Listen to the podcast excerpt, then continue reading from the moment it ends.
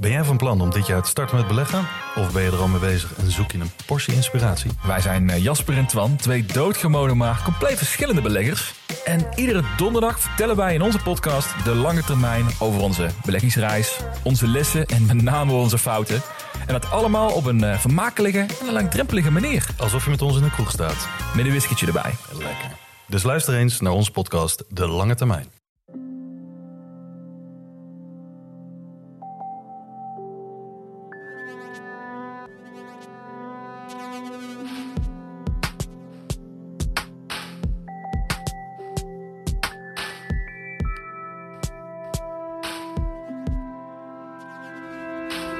Hey, ik ben Pieter van Relaas. In Relaas hoor je waargebeurde verhalen en die worden verteld door de mensen die ze zelf hebben meegemaakt. Uw leven dat is eigenlijk niet meer en niet minder dan een hele aaneenschakeling van verhalen. En zo leef je dus dag na dag een indrukwekkende collectie verhalen bij elkaar. En als de map met verhalen over uw eigen leven ja, veel dikker wordt, dan word je ouder. En als je jong bent, dan is het nog een heel klein dundelingmapje. Maar het is natuurlijk verleidelijk dan om vertalers te gaan zoeken die al heel veel levenservaring hebben, omdat die gewoon maar eens in hun map moeten gaan kijken.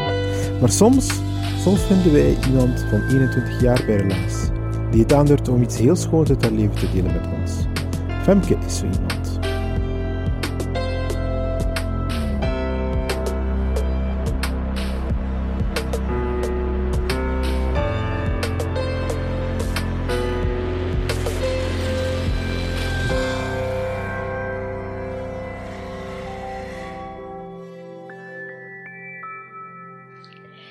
Mijn mama en papa hebben elkaar leren kennen in 1984. Um, en mijn mama en mijn papa die scholen eigenlijk wel redelijk veel van leeftijd. Namelijk 36 jaar. Mijn mama die was 16 en mijn papa was 52 jaar. En ze hebben elkaar leren kennen um, via AGLEF. Dat is de um, politieke beweging van uh, Groen vroeger. En zij beginnen brieven schrijven en werden verliefd op elkaar. Natuurlijk, in die tijd um, was dat niet zo simpel om met zo'n groot leeftijdsverschil verliefd te worden op elkaar. En mijn papa, die was uh, heel actief um, in AGLF, heeft dat opgericht. En um, ja, eigenlijk was zijn, de politieke beweging was in Eeklo. Mijn, papa woonde daar. En voilà. en mijn papa, die... mijn mama die wou eigenlijk graag, had een grote kinderwens. Um, maar mijn papa die had al vier kinderen. Um, en had eigenlijk op dat moment denk ik niet meer de energie om nog um, een kind op te voeden. maar hij wou mijn mama alleszins uh, niet weerhouden om uh, toch nog een kind te hebben. En uh, toen kwam ik. Mijn papa was 69 jaar oud toen ik geboren werd.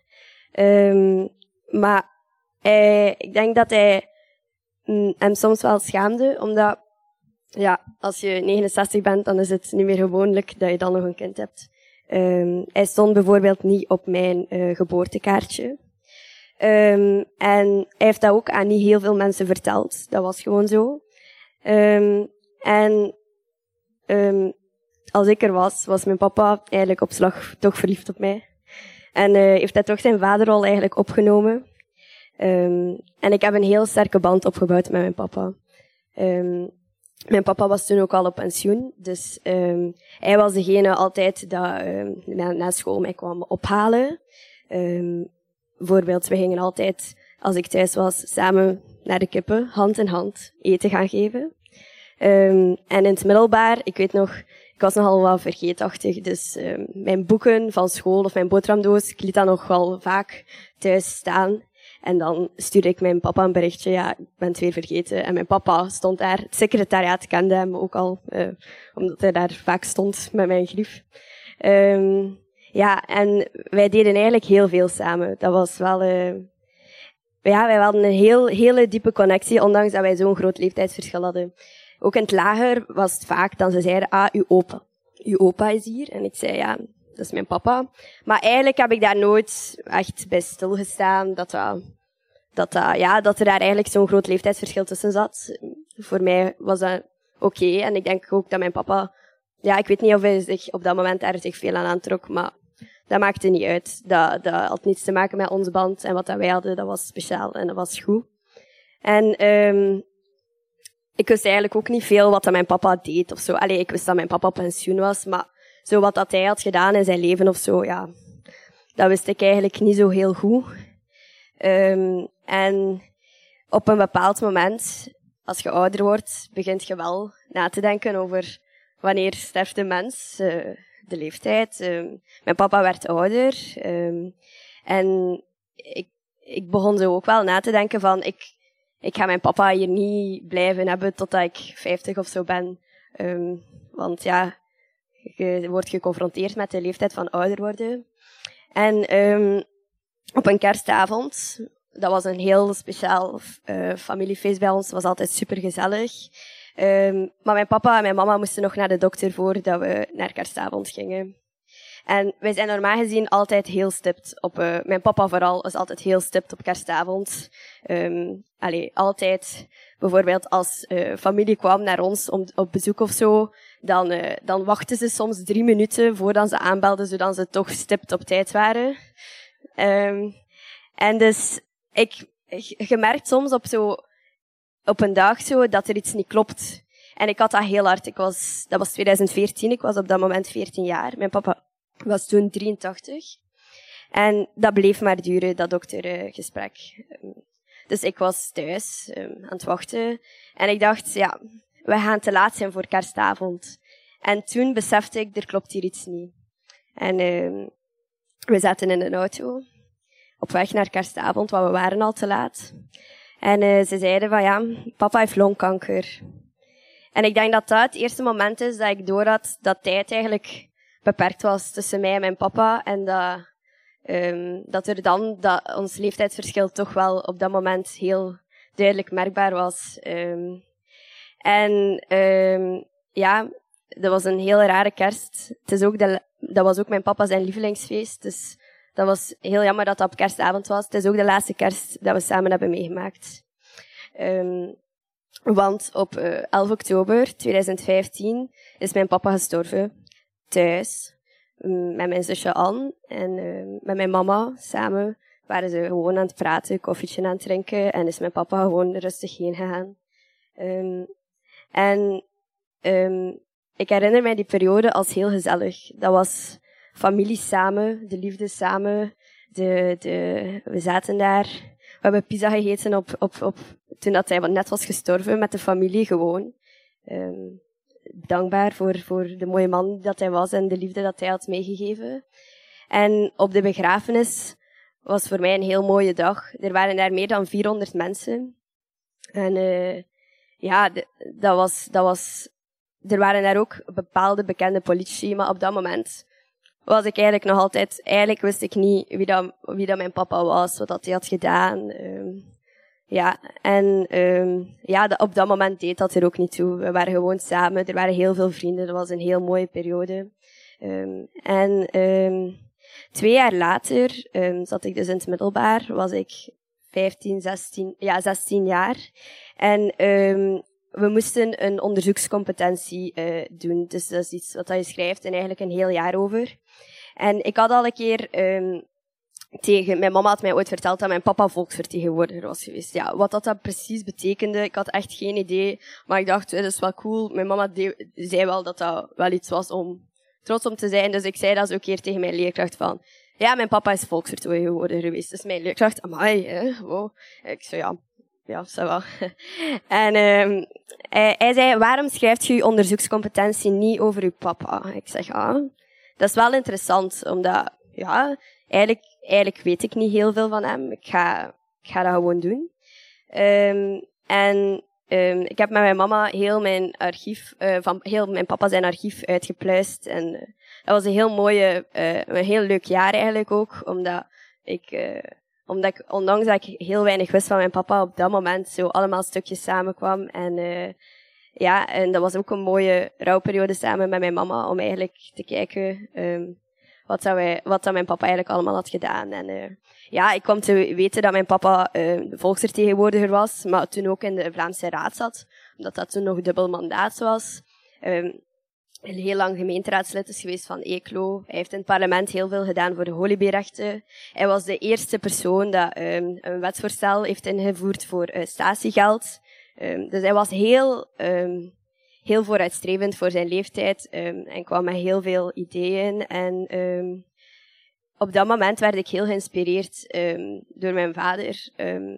puur door eigenlijk dingen dat hij had gerealiseerd. En mijn papa die, die heeft nooit staan pronken met zijn, zijn dingen dat hij heeft bereikt. Um, ja, hij heeft ook nooit zo gezegd van ik heb dit gerealiseerd of ik zit in het parlement of zo. Hij was daar, ik denk dat hij daar wel trots op was, maar hij wou daar niet mee te koop lopen. Zo, voor hem was dat zo iets, een eerder evidentie. En um, hoe meer dat ik zo over zijn leven begon te lezen en zo, hoe meer dat ik zelf zo de bewondering had voor mijn papa over dat hij zo een stukje de wereld mooier wil maken. En ik had dat zelf, datzelfde gevoel ook. Um, en, en ik vond dat zo mooi om zo te zien, ja, hoe dat, uh, hoe dat die, um, de, ja, zo probeerde toch met kleine dingen, um, ja, de wereld mooier te maken. En ik, ik dacht, ik wil, ik wil meer over mijn papa weten. Ik, ik hoor hier allemaal dingen. Ik, ik, ik, ik ben geïnspireerd. Ik, ik, en uh, ik dacht, ik ga uh, aan de hand van mensen meer over mijn vader te weten komen. En um, ik dacht, hoe kan ik dat doen? Door naar de bron te gaan en naar Eeklo, waar dat we wonen, waar dat mijn papa heel veel voor in de politiek heeft gedaan. Dus ik ga daar naar de nieuwjaarsreceptie van Groen in Eeklo. En dus ik ben daar en iedereen ik, echt ontvangt mij super welkom. Iedereen, ah, oh, Femke. En ik dacht, wow, dat overviel mij een beetje toen ik daar was. Um, en um, ze waren, ja, dat was heel mooi, omdat zij ook zo hun verhalen van, van mijn vader echt zo de nood hadden om zo verder te vertellen via mij. Um, en ja, dus we hebben daar een heel leuke avond gedaan. En onmiddellijk kwam het, ja, maar Femke, zou jij niet eh, uh, de lijst. Uh, ze begonnen daar met allemaal dingen. En ik dacht, wow, ik wou hier gewoon wat verhalen. Maar ik dacht wel, ik was wel getriggerd om zo verder te luisteren en zo. Um, en um, ja, ik, um, ik dacht, ja, waarom niet, waarom niet? Dus ik heb dan met een paar mensen samengezeten. en dan hebben we een Jong Groen Eeklo opgestart. Uh, dat is de jongere partij eigenlijk van Groen. en we, ja, met een paar mensen eigenlijk gewoon aan politiek gedaan. Maar uh, heel laagdrempelig, op café, een toogpraat um, enzovoort.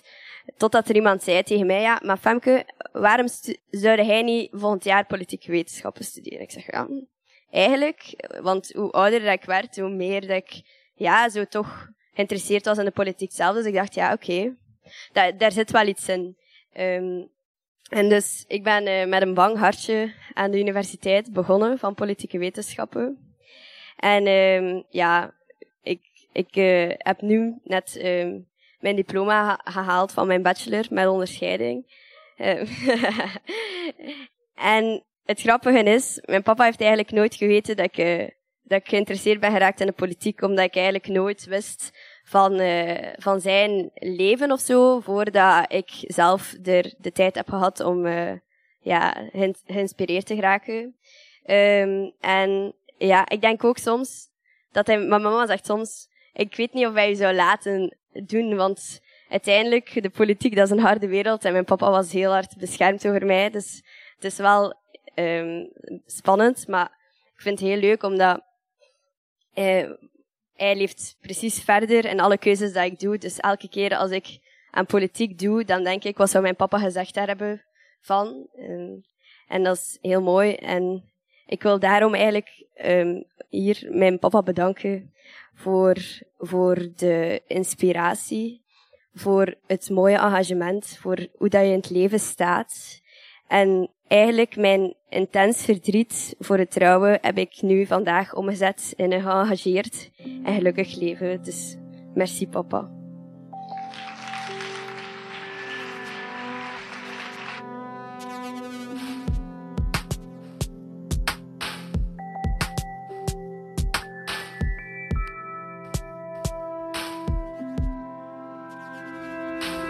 Dat was het relaas van Femke. Ze heeft het in de Vooruit in Gent verteld in juli van 2021. En als kers een verse bachelor in de politieke wetenschappen stond ze daar. Te blinken, dubbel en dik verdiend, zeker na het moeilijke jaar dat ze studenten achter de rug hebben. Ze geeft het zelf ook aan. Femke is sociaal en politiek geëngageerd. En vorig jaar schreef ze nog een opiniestuk over jong zijn tijdens corona. Ik heb het uh, eens opgezocht. Het was leuk om te lezen. Femke, ik ben er zeker van dat uw papa trots is op u. Je kan een relaas een duwtje in de rug geven. Je weet het al, maar ik hou ervan om dat af en toe eens te herhalen. Het kan bijvoorbeeld door dit verhaal door te sturen naar iemand aan wie dat je moest denken toen je het beluisterde. Je doet er die mensen plezier mee en ook ons. Zo bereiken wij nieuwe mensen met relaas. En je kan ons ook helpen door zelf een verhaal te vertellen of door uh, mensen te tippen aan ons die goede verhalen kunnen vertellen. Je kan dat doen op de website. Daar een formuliertje dat je kan invullen en nemen we met jou contact op. Relatie is er dankzij de steun van de afdeling cultuur van de stad Gent en die van de Vlaamse gemeenschap. Zij geven ons de ruimte om met een heel team van vrijwilligers in Gent, Antwerpen en in Brugge op zoek te gaan naar verhalen en om daar ook vertelavonden te organiseren. En dat allemaal onder het toeziend oog van onze geweldige coördinator Lisbeth. Eh, als je graag iets doet met Relaas bijvoorbeeld, of met het team van Relaas, dan moet je Lisbeth contacteren. Wij organiseren workshops storytelling, wij maken podcasts, we staan open voor heel wat andere leuke samenwerkingen. Je mag ons altijd gratis geld geven, dat kan ook. Laat het ons gewoon weten en wij nemen met jou contact op. Dat kan ook via onze website. En oh ja, wij zijn ook lid van het podcastgezelschap Luister. Luister. Luister. Als je dus op zoek bent naar andere goede storytelling podcasts, kijk dan zeker eens op de website luister.be. Dat is luister met een y.